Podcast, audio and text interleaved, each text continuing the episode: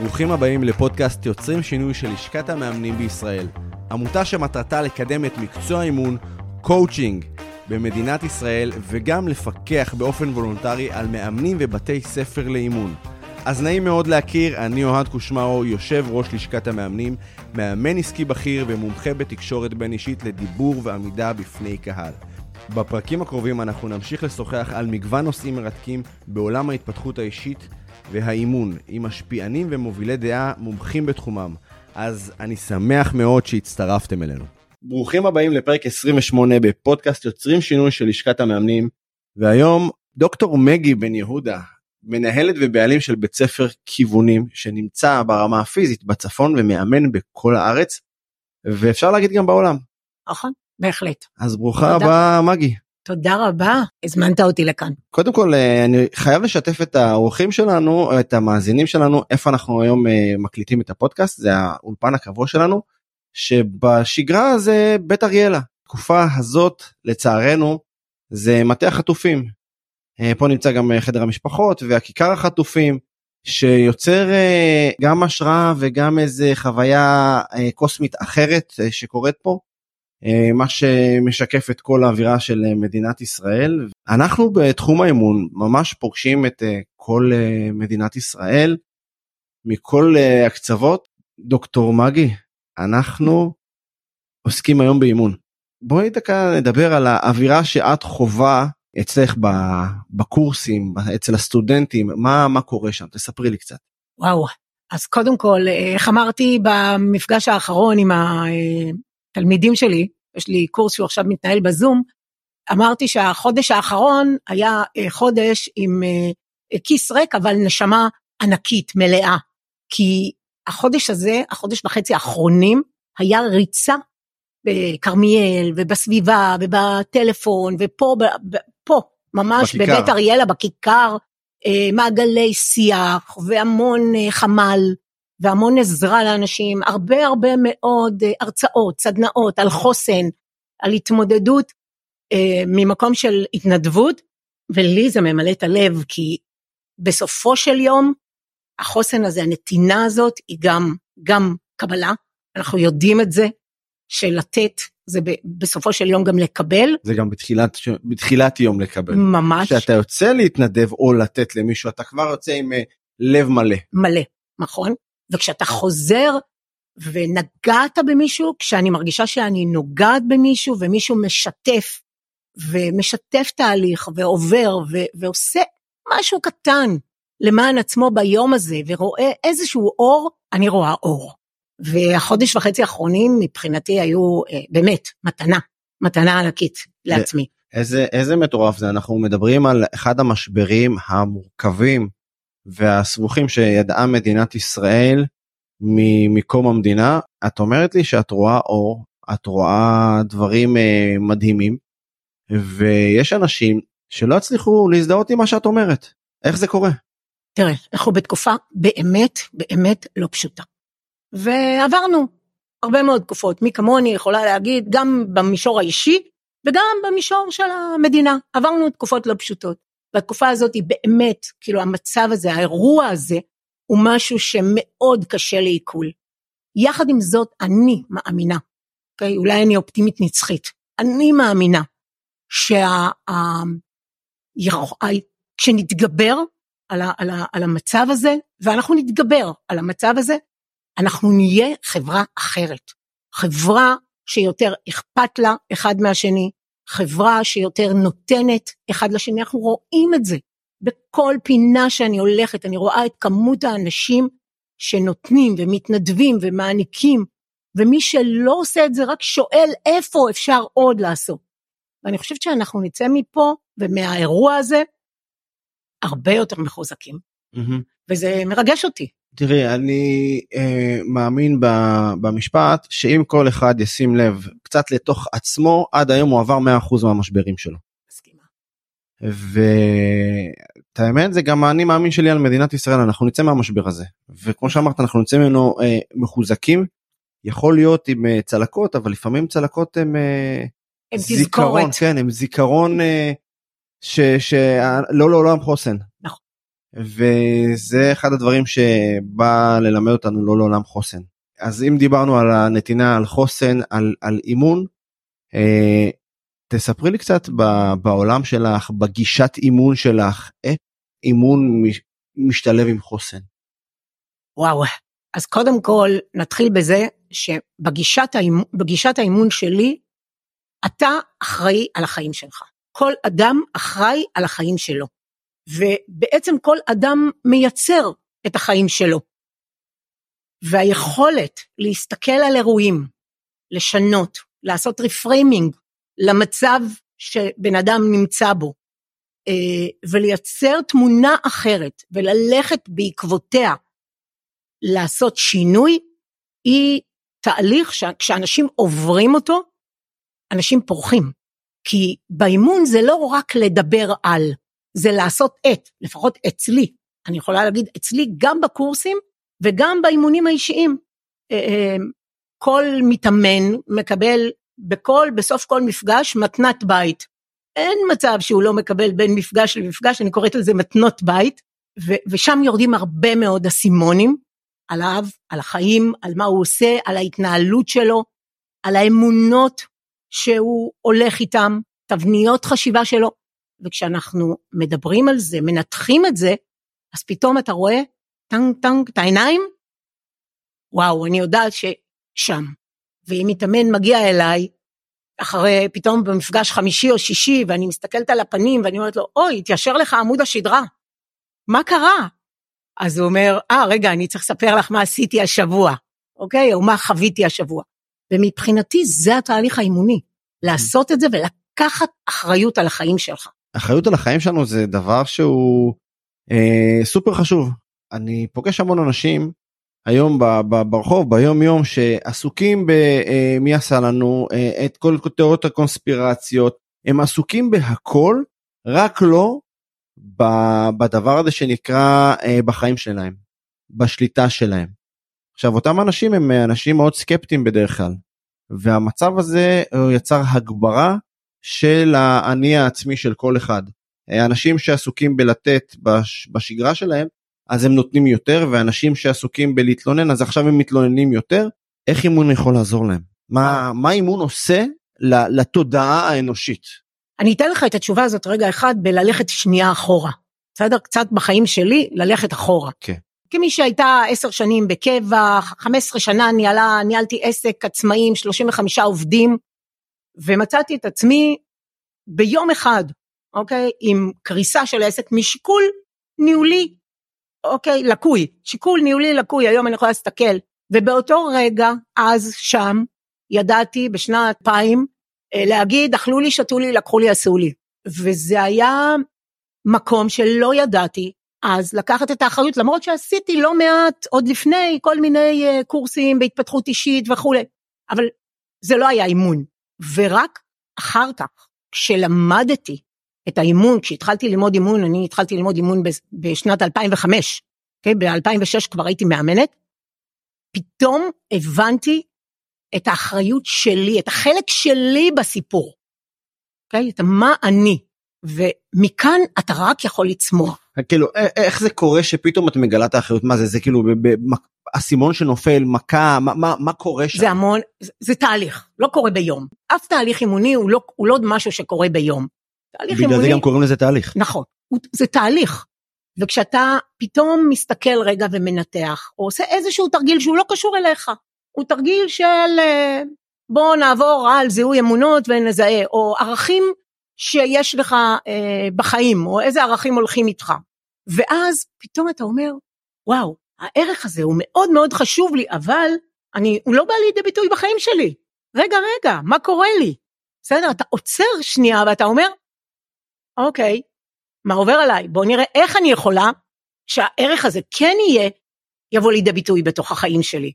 ואז אתה, אתה פשוט עושה סקופ לעצמך, מלמעלה, כל פעם מחדש, ואתה מתחיל להבין איך החיים שלך מתנהלים, איפה היית קורבן, איפה התמסכנת, ואתה מתחיל לקחת את עצמך בידיים, לעצור רגע ולעשות סיפור חדש. לשנות וזה... את, ה, את הסיפור שאני מספר לעצמי, של אכלו לי, שתו לי, לא שילמו לי. בדיוק, וזה הרפריימינג שאנחנו עושים בתוך התהליכים האימוניים, וגם כל אחד עושה לעצמו בתוך הדבר הזה. ואני חייבת להגיד שהכלים של האימון האישי לאורך כל הדרך, לאורך כל השנים, הם כלים שגם לי באופן אישי, מעבר להיותי מאמנת ומרצה ומעבירה סדנאות וכולי, הם עוזרים לי כל הזמן. Mm. הכלים האלה של להכיר תודה, לעצור רגע, אה, לעשות לעצמי איזשהו, אה, איזושהי רפלקציה על. תהליך שעשיתי או לא עשיתי, או איפה ויתרתי, או איפה הייתי דחי, דחיינית, כל דבר כזה, הם כלים מתוך העולם של האימון, וכשאתה שם מתאמן על זה כל הזמן, אתה כל הזמן בתוך התודעה, בתוך התהליך. אני גם אומרת תמיד לתלמידים שלי, okay? אוקיי? וגם למתאמנים, כדי להיות נקי אתה מתקלח כל יום, אתה, זה, זה, זה אוטומט, תכניס לאוטומט את הכלים של האימון האישי, פשוט תתאמן כל יום.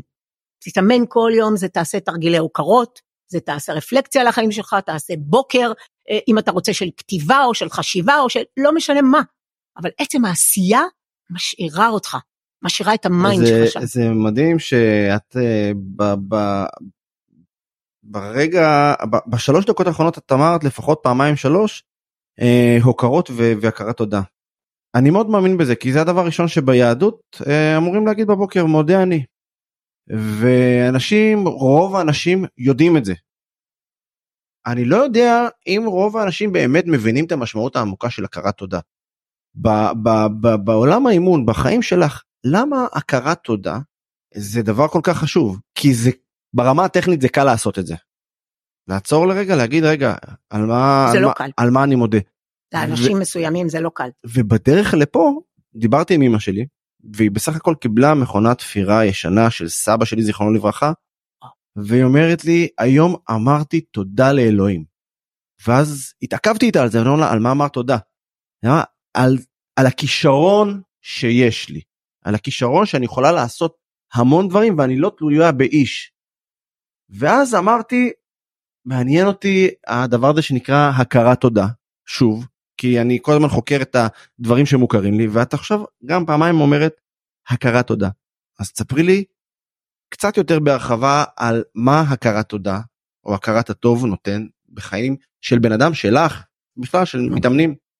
אז אני, אני יכולה להגיד ככה, אני כבר אה, במחסן בבית, יש לי כבר איזה 12-13 שנה, המון המון המון מחברות, כל ערב, זה הטקס לפני השינה שלי, אני יושבת ואני כותבת לפחות חמש אה, הוקרות תודה על היום שהיה. עכשיו יכולים להיות ימים מאוד מאתגרים, אה, או ימים שלא הייתי במיטבי, ועדיין אני, עצם הישיבה רגע, החשיבה, החיפוש של מה טוב היה בתוך כל היום הזה, ולהוציא אותו ולכתוב אותו.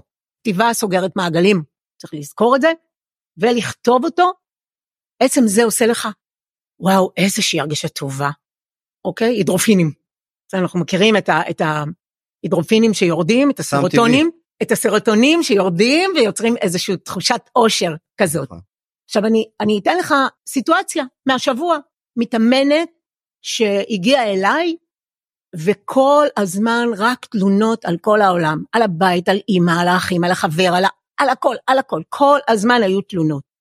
ולפני שבועיים נתתי לה תרגיל, כל ערב אני מבקשת שתכתבי לפחות חמש תודות על היום שהיה.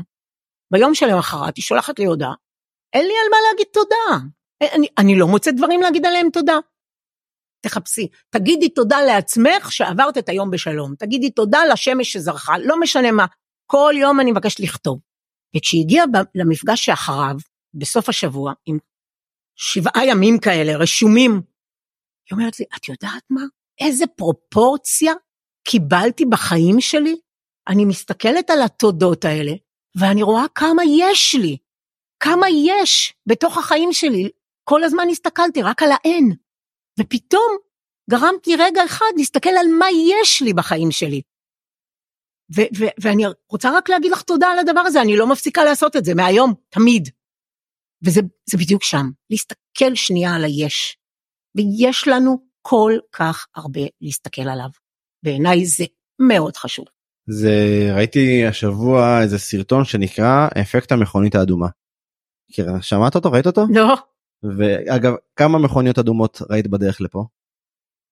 לא ראיתי. עכשיו ברגע שתצאי מפה אחרי שדיברנו כל מכונית אדומה שתראי את אה, אזכיר את השיחה שלנו. עכשיו זה בדיוק אותו אותו דבר ברגע שאנחנו מתמקדים על משהו ואנחנו מחפשים אותו אנחנו מקרבים אותו אלינו למה התודעה שלנו היא ממוקדת כמו שאמרת ביש רוב האנשים מתמקדים בהן למה כי זה כמו צרות ו- ותלונות זה כמו שמיכה בחורף. אתה משקיע בהם והם מחזירים אליך יופי של צרות וזה גם חוויה של אני צודק בסוף. נכון. כי אם אני ממוקד במשהו ואני צודק זה מדהים אם אני הולך להגיד פה משהו זה חוויית ניצחון למה? כי בסוף צדקתי העולם גרוע. העולם אמרתי לכם. אז להיות צודק יש לזה רווח מאוד גדול וכמו שאת אומרת ברגע שאנחנו משנים את המיקוד שלנו כמו המתאמנת שלך שפתאום דברים נכנסו לחיים כי היא הצליחה להזיז משהו שנכנס משהו אחר. נכון. אז אנחנו לא חיים בוואקום. זה בדיוק זה, what you focus on grow. בדיוק. בדיוק שם, איך טוני רובינס אמר, כך נהניתי בסדנה שם, היה כיף. אבל כן, זה, זה בדיוק המקום הזה, ואני רואה את זה גם, מה שנקרא, בכובע אחר שלי אני מרצה. אני מרצה באקדמיה. ואני רואה את זה גם מול הסטודנטים. כשאתה יושב מולם ואתה מראה להם, הם כל היום רק בקיטורים. המרצה הזה עשה לי, וזה נתן לי, וזה זה, וזה דווקא רוצה שלא, שאני אכשל, וזה עשה. ופתאום כשאתה מראה להם את היש, את המה אתם מקבלים מזה, מה יש בתוך הדבר הזה שיכול לתת לכם, להעניק לכם, לעזור לכם, פתאום אתה רואה חשיבה אחרת. ו... ואני אומר את זה עכשיו למאזינים שלנו קל ליפול לציניות. יש כאלה עכשיו שאומרים יושבים באוטו בחוף הים או בחופש או בחופשה או בבית ואומרים טוב קל להגיד. עזבו קל להגיד. קחו שבוע תתמקדו ב- ביש. תתמקדו בהכרת תודה תתמקדו במה הבן זוג עשה טוב עזבו את מה שלא טוב על כל דבר טוב תגידו לו כל הכבוד תודה. אה, אה, תוקירו את הילדים שלכם כי איזה כיף להתלונן על הפירורים על הבלגנים הצעצועים ו- ולא עשו שיעורי בית ואכלו לא אכלו קל מאוד ליפול לזה כי זה מה שאנחנו רואים ביום יום זה השוטף שלנו והשוטף שוטף. אז אני רוצה לעבור בצורה קצת חדה על הדבר הזה שנקרא ייחודיות. כי יש לנו רק בלשכת המאמנים 20 בתי ספר שאנחנו מכירים בהם אה, ומפקחים עליהם המגמה הולכת וגדלה.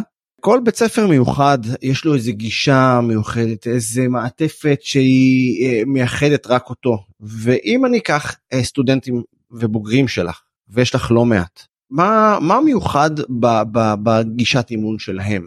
במה על על איזה תהליכי אימון הם קודם כל הגישה שהמודל שלנו נקרא 7 steps to success שבעה שבע אה, שלבים להצלחה. ואנחנו ממש עובדים בתהליכים של איתור אה, פרדיגמות עבודה כמו שאנחנו מכירים בכל אה, מקום באימון. הייחודיות היא קודם כל שבעיניי אין שיטת אימון אחת ואין דרך אחת לאימון. ואני מביאה גם בקורס עצמו המון המון שיטות אימון שונות ומראה אותם. הדבר הכי הכי שאני חושבת שהתלמידים שלי יגידו לאורך הדרך זה ההתנסות. לאורך כל הזמן. אין שיעור אין מפגש בלי ממש התנסות. אנחנו מדברים על תהליך הקשבה או מה זאת הקשבה הם אחר כך ישבו והתנסו והצטרכו לתת משור אוקיי? חזרה במליאה על איך הייתה הקשבה שלהם איפה זה פגש אותם האם הם הקשיבו האם הם ברחו האם הם נכנסו לתוך הדברים של מי שהיה מולם האם הם רצו ישר לתת פתרון אוקיי? ממש לעבוד אה, אנחנו עובדים על כל נושא, אה, מדברים אותו, לומדים, מה שנקרא אה, הקניית ידע, ומשם אנחנו עושים ממש ממש... מה שנקרא כל תיאוריה נתמכת בפרקטיקה. תמיד, תמיד. עכשיו, תיאוריות יש המון. בתור מי שעשתה גם דוקטורט באימון, okay? אוקיי? גם הדוקטורט שלי הוא דוקטורט בתחום האימון האישי, אימון אישי אקדמי אמנם, גם שם ראיתי איך פרקטיקה משתלבת עם התיאוריה. וזה מדהים לראות שאני יכולה להגיד על עצמי, שכשסיימתי את הדוקטורט, הרגשתי שאני מאמנת הרבה יותר טובה, כאילו איזושהי קפיצת מדרגה, כי מעבר ללהבין את האיך שראיתי אותו קורה שנים, פתאום הבנתי גם את הלמה. למה זה קורה? מה יש מתחת? מה, מה גורם למתאמן שנמצא מולי לעבור את התהליך? אוקיי? מעולם אה, המסוגלות העצמית והחשיבה החיובית וכל התיאוריות וכל הדברים, וזה פשוט מדהים להבין את זה, ואז כשאתה מבין את זה, אז אתה גם מבין את המתאמן שלך. ואני גם מביאה את זה הרבה מאוד לשיעורים שלי. מסבירה לתלמידים שלי גם את הלמה מאחורי הקלעים, ומראה להם את התהליכים של האש. ובעיניי זה החיבור. זה, זה, את מדברת ואני מדמיין סוג של חדר לידה להצלחות. נכון.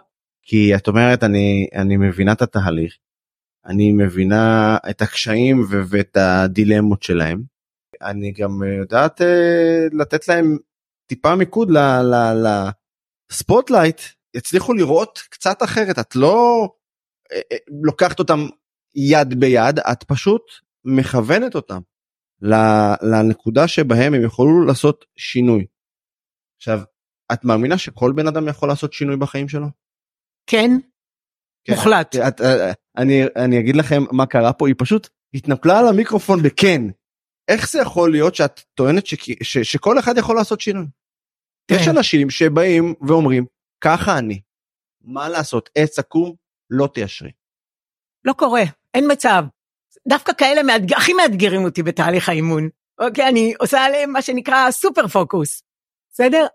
אין דבר כזה. באמת, אני 17 שנה מאמנת. כל הזמן. אני מאמנת אה, נשים, אני מאמנת זוגות, אני מאמנת, מלווה מנהלים בארגונים, אני מאמנת סטודנטים בפרויקט מאוד מאוד מאוד ייחודי. סטודנטים שנמצאים במצב אקדמי לא תקין, באים ואומרים, אני לא מצליח, בחיים אני לא אעבור את המבחן הזה, אוקיי? והם עוברים. Uncoachable. אין דבר. כזה, אין דבר כזה. הכל, והשאלה הראשונה שאני שואלת בן אדם כזה, האם אתה רוצה לעשות את השינוי, או האם נוח לך להיות במקום המסכן? כי לא, לא פעם ולא פעמיים אנחנו יודעים כמאמנים כמה רווחים. אני חושב שלאנשים לא נעים להגיד נוח לי להיות במקום המסכן. אבל אז אני מראה להם את הרווחים שלהם מתוך המקום המסכן. למה מאוד נעים, מאוד נוח במרכאות, אוקיי? מה, מה נוח בלהיות להיות... מסכן? וואו. אני שואל את השאלה הזאת במיוחד לאלה שכרגע מאזינים לנו ואומרים אה, אה, לא כל אחד יכול לעשות שינוי. ברור שכן. מה, מה נוח בלהיות מסכן? מאוד נוח כי מסתכלים עליי, מתייחסים אליי, מלטפים אותי, אתה נורא מסכן, אה, אני בפוק, אני, אני במרכז העניינים, וואו, רגע, הוא נורא מסכן, בואו ניתן לו, אה, אה, בואו נעזור לו, בואו נהיה, ואם אני אקח את עצמי בידיים, אולי אני אצטרך לצעוד לבד. ובואו, כולנו יודעים ששינוי, ולא משנה איזה שינוי, גם אם אתה רואה את האור בסוף, אנחנו מפחדים לעשות. שינוי הוא קשה בהתחלה, מתסכל באמצע ומאוד מהנה בסוף. נכון, נכון, אני מסכימה בהחלט. ואנשים מפחדים משינוי. לא משנה מי, כולנו, אוקיי? ואני אני בן אדם של שינויים, אני עושה שינויים כל כמה שנים, אני חייבת, ועדיין זה מפחיד. זה, זה מפחיד, אני תמיד אומרת שההרגשה הזאת בבטן, שבאה כשאתה יודע שאתה הולך לעשות שינוי, שיש לך תכנון למשהו, אל תסתכל עליה כמפחיד, תסתכל עליה כהתרגשות, כמשהו טוב. אנשים מרגישים את זה ואומרים, וואו וואו, זה רגע, רגע, זה מפחיד. לא, אני אומרת לא, תסתכל על זה כעל משהו טוב, משהו שקורה לך, משהו שמעורר אותך. אנשים מפחדים מזה. ו- ואין דבר כזה, אם מישהו רוצה לעשות שינוי, והוא מוכן לשלם את המחירים בשביל הרווח שבסוף, הוא יעשה שינוי. מה זה לשלם מחירים? כולם אומרים לשלם מחירים, לשלם מחירים, לשלם מחירים. מה, מה זה לשלם מחיר? בעצם זה שאתה עושה שינוי, אתה צריך לפעמים, אתה יודע מה, בוא נלך על המסכנות. לוותר רגע על המסכנות הזו. Mm-hmm. האם אני מוכן לוותר על המסכנות הזו? זה גם לשלם מחיר מסוים. האם אני מוכן בכלל עכשיו לוותר על המסכנות? אני לוותר על להיות... עזרה. וואו, אז אולי אני אקח את עצמי בידיים ואני, אוקיי, הוליך את עצמי, אולי אני אהיה מנהיג של עצמי, ואחר כך אולי אפילו של עוד אחרים. אגב, לדעת לקבל עזרה זה הצד השני של המתרס. זה גם לוותר על, אה, על, על לשלם מחירים? לדעת במוב... לקבל עזרה? במובן מסוים כן, בהחלט, כי יש לא מעט אנשים שמאוד קשה להם. בעצם זה שאני אה, מבקש עזרה בעיניהם, אוקיי? אני חלש, אני פחות. אני תמיד אומרת, להפך, כשאתה מבקש, אתה אוהב לתת? נכון. אתה אוהב לתת, אתה אוהב להיות בנתינה, מה זה עושה לך? הרגשה טובה, כיף. תחשוב רגע, כשאתה מבקש עזרה ומאפשר רגע לצד השני לתת לך, מה אתה עושה לו? אתה נותן לו באותו רגע את ההרגשה הכי טובה הזאת של הנתינה. אבל אני אהיה חלש אם אה, מישהו יעזור לי. ממש לא. אתה אפילו לא, לא רק שאתה לא חלש, אתה נותן, אתה מכיר את המילה נתן, נכון? כן. אוקיי, אוקסימורון. אתה, כשאתה נותן את המקום הזה, אתה גם מקבל. וזה המקום שלא רק שאתה חלש, אתה אפילו מאוד עוצמתי בעיניי, בעצם זה שביקשת עזרה ואפשרת למישהו אחר להיות שם בעבורך ולהעניק לך את העזרה. שזה, וואו, אני נותן למישהו להרגיש טוב. מצד אחד, מסכנות זה אזור נוחות, מצד שני, אה, ללכת לבד ולהיות חזק זה אזור נוחות, זה שני הצדדים המנוגדים של המתרס. כדי לעשות שינוי, אני צריך א', המון כוח, ב', לוותר על מה יגידו עליי. נכון. ואיך איך, איך מוותרים על זה? על מה יגידו עליי? וואו. כי המחיר הסביבתי, כי אנחנו יצור חברתי, אנחנו כל הזמן מודדים את עצמנו ביחס לסביבה, ביחס לאנשים, ביחס למשפחה שלי, ב, ביחס ל, לכל המעגלים. עכשיו, בכל מעגל יש מחיר של מה יגידו. נכון. איך, איך אני... אני חושבת שזה, שוב, זה תהליך. כן. זה תהליך שאנשים עוברים. אה, אם היית פוגש אותי לפני 20 אה, שנה, mm-hmm. הייתי שם מאוד, הייתי שם, אוי ואבוי, ובמיוחד אחרי שהעסק שלי נפל, ומצאתי את עצמי במעל מיליון וחצי שקל חובות, ומתחבט, מה יגידו עליי? אחת שמוכרת בעיר, ומה יגידו עליי? זה היה שם מאוד מאוד מאוד קשה, ולקח לי לא מעט שנים לצאת רגע החוצה. אבל כשאתה עושה עבודה פנימית עם עצמך, על הביטחון שלך, על המסוגלות העצמית שלך, על עמוד השדרה שלך, לא באמת אכפת לי מה יגידו עליי. אני יודעת שאני טובה, שאני עושה את הכי טוב שלי, הכי טוב בכל רגע נתון, שאני משקיעה, שאני נותנת. נכון, כיף לקבל פידבק חיובי, זה, בוא, כולנו, כולנו אוהבים את זה, ועדיין זה לא ירתיע אותי להיות שונה, להגיד משהו שהוא אחר מאחרים, או לעשות משהו שהוא שונה.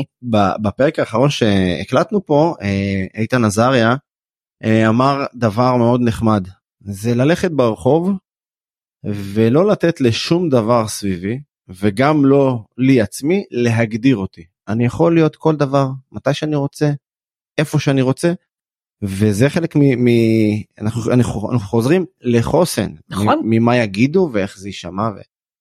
ו, ואני שומע אותך, את, את כולך, מה שנקרא, כל רמ"ח איברייך אה, אה, מאמנת ו, וכל הגוף מגויס, וזה זה, זה מדהים לראות. עכשיו, איך, איך מתחילים תהליך אימון? את אמרת מקודם, אה, אני שואלת אותם, אני שואלת אותם אם הם רוצים לעשות שינוי. אני לא יודע אם הם, אם הם יודו שהם רוצים לעשות שינוי או, או שהם לא רוצים לעשות שינוי אבל איך מתחילים איך עושים את הצעד הראשון כי זה לא להאמין בדרך זה להאמין בצעד זה קודם כל הצעד הראשון. נכון אז תראה קודם כל בכלל אנשים מגיעים לאימון אה, מכמה סיבות. לפעמים הם מגיעים לאימון כשהמים עברו את, ה, את האף הם רגע אחד עוד רגע אוקיי אה, שוקעים ואז אה, תעזרי לי בסדר וזה המקום אה, לפעמים הם באים כי הם רוצים להתקדם או רוצים לעשות עם עצמם משהו והם אומרים אה, אני צריך לעשות חישוב מסלול מחדש מה אני רוצה לעשות עם עצמי? ולפעמים מישהו שולח אותם. למשל כמו בארגונים כשאני מאמנת מנהלים הם לא הרבה פעמים אפילו אולי לא רצו לבוא בהתחלה.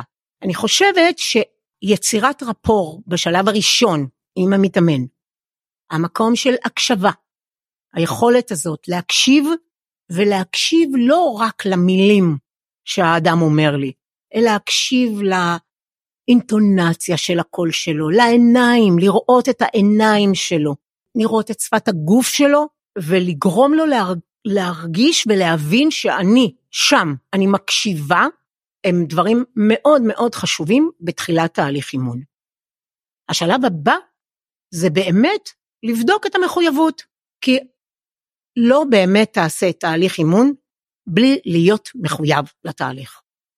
עכשיו אם אתה מרגיש שאתה, אין לך ברירה, אוקיי, וזהו, אני בסוף, עוד רגע אני מתגרשת, או עוד רגע אני, אה, לא יודעת, אה, מאבדת את כל החברים שלי, אחים שלי וכולי, אז אתה, אתה גם מרגיש הרבה פעמים שהם יותר מחויבים, כי יש להם שם את המוטיבציה הזאת הם רואים את לצאת. המחיר. בדיוק, בדיוק, הם שם כבר. ואני עובדת ממש מההתחלה על הסתכלות פנימה, על ההיכרות שלהם את עצמם, אבל לא מי אני או מה אני, אלא היכרות פנימית.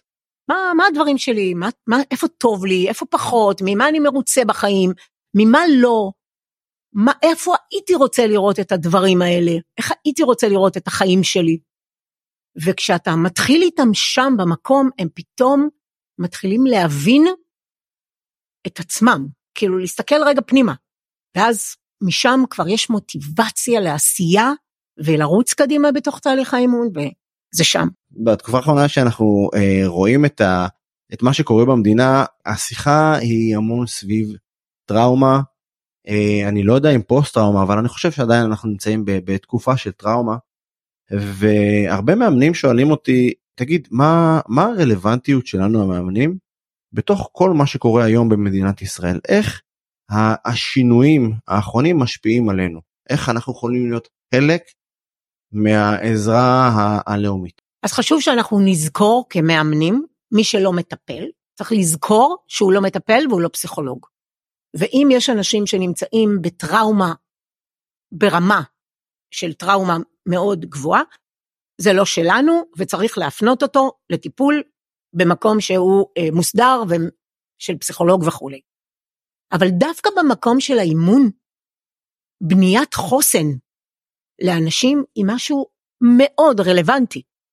עצם השיח, עצם אה, ההיכרות של המתאמן עם החוזקות שלו, שיכולות ללוות אותו דווקא ברגעים הקשים האלה, להראות לו את החוזקות שלו, אה, להראות לו את הכלים שיש לו ביד, את הסביבה שיכולה לתמוך בו ולעזור לו. Okay, דווקא כל הדברים האלה בתוך העולם הזה של חוסן הם מאוד רלוונטיים לנו כמאמנים. הם משהו מאוד מאוד חשוב. עכשיו, אני למדתי, אה, אני חושבת שבשנים האלה עשיתי את כל ההסמכות האפשריות מכל הכיוונים. אה, אז למדתי גם את העולם של ה-CBT וגם קצת את, ה, את המקום של הטיפול וה-NLP, ואני משלבת את כל הדברים בתוך התהליך.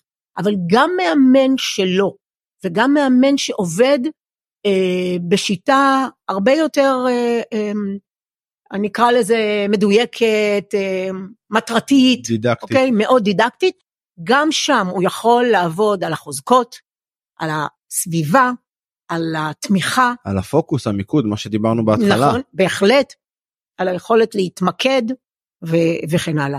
אפרופו דיברנו ככה אה, בהתחלה, אני, גיד, אני בש, משנת 2000 עד 2006 אה, היינו אה, משפחה שגידלה בכפר הילדים בכרמיאל שזאת פנימייה, גידלנו 11 ילדים חוץ מהילדים שלנו.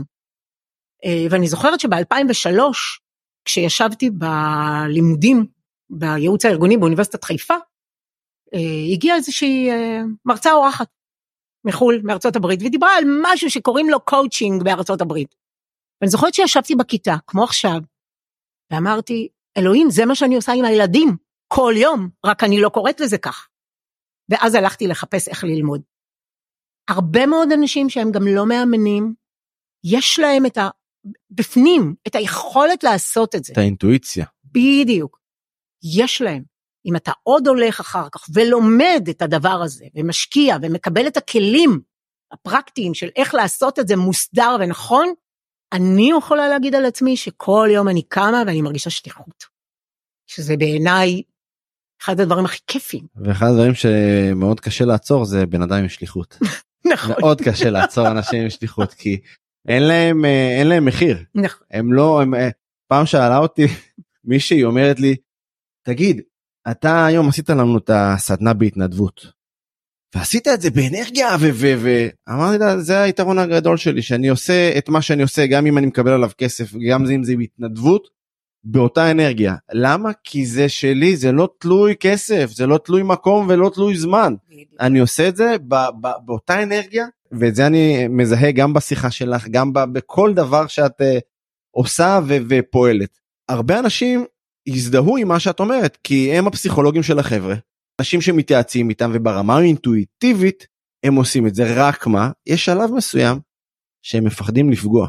נכון שזה אסור לעשות כי בסוף כי עד איזה רמה אני מייעץ או עד איזה רמה אני עוזר לחבר בן משפחה. נכון. אה, אז אחד צריך לזכור שאסור לייעץ. מה שנכון בעבורי לא בהכרח נכון בעבור אף אחד מולי. אז בואי נעשה את ההבחנה ככה יש לנו עוד איזה ארבע דקות לקראת הסיום את ההבחנה בין מאמן ליועץ כי הרבה פעמים הקווים האלה מטשטשים. אוקיי. מה ההבחנה באלף בין מאמן ליועץ. אז אני במפגש הראשון שלי בכל קורס אומרת לתלמידים כל מה שנלמד עכשיו בשמונה חודשים יסתכם בשלושה דברים עיקריים. הקשבה, שאלת שאלות ורפריימינג והדהוד ושיקוף. תזכרו, אלה הדברים החשובים. כל מה שנלמד, הכל הכל, אלה הדברים החשובים באימון. ובאימון אין נקודה בסוף משפט. יש סימן שאלה בסוף משפט, בשונה מייעוץ. כשאתה מייעץ, כשאתה יועץ, אתה אומר למישהו מה לעשות. לא. כשאני מאמנת, אני לעולם לא אגיד למישהו מה לעשות. אני אפתח לו מניפה, אני אראה לו אופציות, אני אפתח לו דרכים, הוא יבחר. זה הוא צריך להיות, הוא צריך להביא את הכוחות שלו, את החוזקות שלו, את הערכים שלו, לתוך התהליך. וזה העולם האימוני. העולם האימוני יאפשר, מאפשר תמיד סימן שאלה בסוף. אז אם אני רוצה להיות מאמן טוב, אני, אני מכיר את העולם האימון כבר 13-14 אה, שנים, אז אם אני רוצה להיות מאמן טוב אז אני צריך להתאמן על הכלי המרכזי שהוא שאלת שאלות. נכון. והקשבה. והקשבה. הקשבה. המון המון הקשבה. ולדעת לשקף את זה למתאמן שלך. מה זה אומר שיקוף? וואו, לקחת את מה שהוא אמר ולהגיד, שוב, יש, יש שיקוף, יש הדהוד, אני לא אכנס לכל הכלים בפנים, אבל בגדול זה לקחת את הדברים שהוא אמר ולהראות לו אותם רגע אחד, כי אתה יודע, לפעמים אנחנו זורמים במילים ולעצור ולהגיד לו, מתוך הדברים שלך אני מבינה ש... ולשים אותם. ואז פתאום אתה רואה, וואו, יש. זה קטע שאנשים מדברים את המחשבות שלהם בקול רם הם פתאום מקשיבים לעצמם זה דבר שהם לא עושים ביום יום. ואני חושב שבן אדם שמגיע לתהליך אימון. אני לא מדבר על אלה שלוקחים את זה צעד קדימה ובאים להכשרת מאמנים ו- והופכים את זה גם למקצוע שזה רעיון לא רע בכלל ועוד עזבי את אלה שהפכו את זה למקצוע אלה שבאמת לקחו את זה ברצינות והצטרפו גם ללשכת המאמנים לא ממומן. זה זה נס. בן אדם שבא ואומר אני רוצה לעשות שינוי ואני רוצה גם שמישהו ילווה אותי. אני חושב שזה זה נס. ולמאמנים שמאזינים לנו בן אדם שפנה אליכם שנייה לפני שנכנסנו קיבלתי הודעה היי hey, אוהד רציתי אה, אה, קיבלתי עליך המלצה כך וכך ואני אומר כל הודעה כזאת זה נס שזה קורה כי אנשים עושים שינויים ביום יום שלהם ברמה האינטואיטיבית. אפשר לעשות את זה בעוצמה הרבה יותר גבוהה ו- ואני שומע את האנרגיות ואני רואה את כל האש שבוערת בך ואני אומר בא לי להתאמן אצלך. תודה. כאילו אני יוצא מפה בא לי להתאמן אצלך. בא לי להגיד יאללה אני שם מלא סימני שאלה עכשיו על כל המוכר שלי ואני יוצא לדרך ובשביל זה אני גם אבוא לכרמיאל. כאילו, ברוך הבא לא... איזה כיף. כי זה זה גם האמירה וגם העשייה. כאילו אמרת לשלם מחיר אני מוכן לשלם את המחיר יש גם רכבת מאוד קלה נכון. לכרמל. באתי מרכבת עכשיו לתל אביב. זה פה קרוב. דוקטור אה, מגי, אני רוצה להגיד לך תודה רבה על קודם כל השיחה המעניינת, על אה, מקצועיות ומקצוענות, על פתיחות, ואמרת אה, חמישה דברים עוד הכרת תודה, ועל החיוך הענק שלך שגרם לי לראות את זה בפנים אצלי. תודה, איזה אנחנו כיף. בתקופה שאנחנו צריכים אה, חוק חיוך חובה חינם. כן, ממש. תודה, חייבים. לקחתי את המשפט הזה עכשיו. אז תודה אה, רבה. תודה רבה לך על ההשתתפות. תודה, איזה כיף. תודה רבה לך. תודה רבה שהאזנתם לנו, אתם מוזמנים להאזין לנו בכל רשתות הפודקאסט, ספוטיפיי, גוגל פודקאסט ואפל פודקאסט, ונשתמע בפרק הבא.